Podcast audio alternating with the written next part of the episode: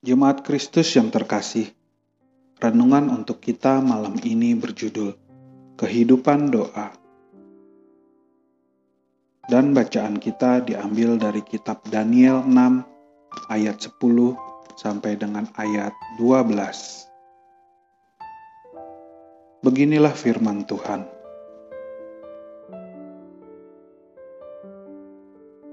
Sebab itu Raja Darius membuat surat perintah dengan larangan itu. Demi didengar Daniel bahwa surat perintah itu telah dibuat, pergilah ia ke rumahnya. Dalam kamar atasnya ada tingkap-tingkap yang terbuka ke arah Yerusalem. Tiga kali sehari ia berlutut, berdoa serta memuji Allahnya. Seperti yang biasa dilakukannya Lalu orang-orang itu bergegas-gegas masuk dan mendapati Daniel sedang berdoa dan bermohon kepada Allahnya.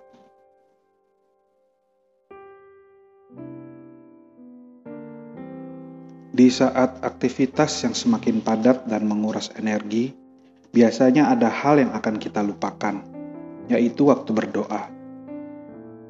Seakan-akan berdoa membutuhkan energi yang lebih banyak daripada mengerjakan tanggung jawab harian yang kita miliki. Bahkan, mungkin dari antara kita pernah tertidur saat berdoa di malam hari, ketika akan beristirahat, atau saat dalam liturgi doa syafaat.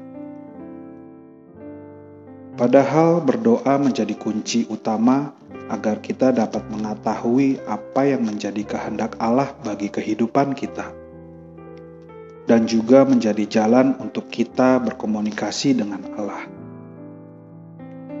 Seperti yang dilakukan oleh Daniel, bahwa ia memiliki jadwal berdoa tiga kali dalam sehari. Sebuah teladan yang baik untuk kita ikuti. Bahkan ketika ada larangan untuk berdoa dan memohon selain kepada Raja Darius, Daniel tidak terpengaruh sama sekali dan tetap berdoa kepada Tuhan, walaupun ada kemungkinan ia dihukum.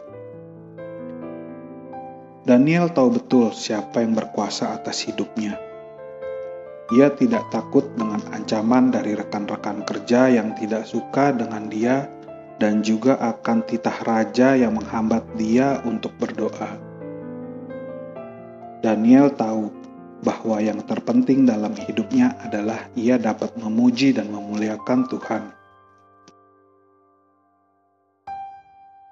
Dia tahu betul segala yang dimilikinya adalah dari Tuhan, dan karena kemurahan Tuhan semata ia dapat berkarya di tanah pembuangan dan menjadi orang kepercayaan raja. Lalu, bagaimana dengan kita? Kita sudah memprioritaskan doa dalam hidup kita seperti Daniel? Atau kita masih sering melewatkan kesempatan berdoa kepada Tuhan? Berdoa adalah cara paling sederhana dan mudah untuk berkomunikasi dan mengucap syukur pada Tuhan. Milikilah kehidupan doa yang baik agar pertumbuhan iman nyata dalam kehidupan kita. Demikianlah renungan malam ini. Semoga damai sejahtera dari Tuhan Yesus Kristus tetap memenuhi hati dan pikiran kita. Amin.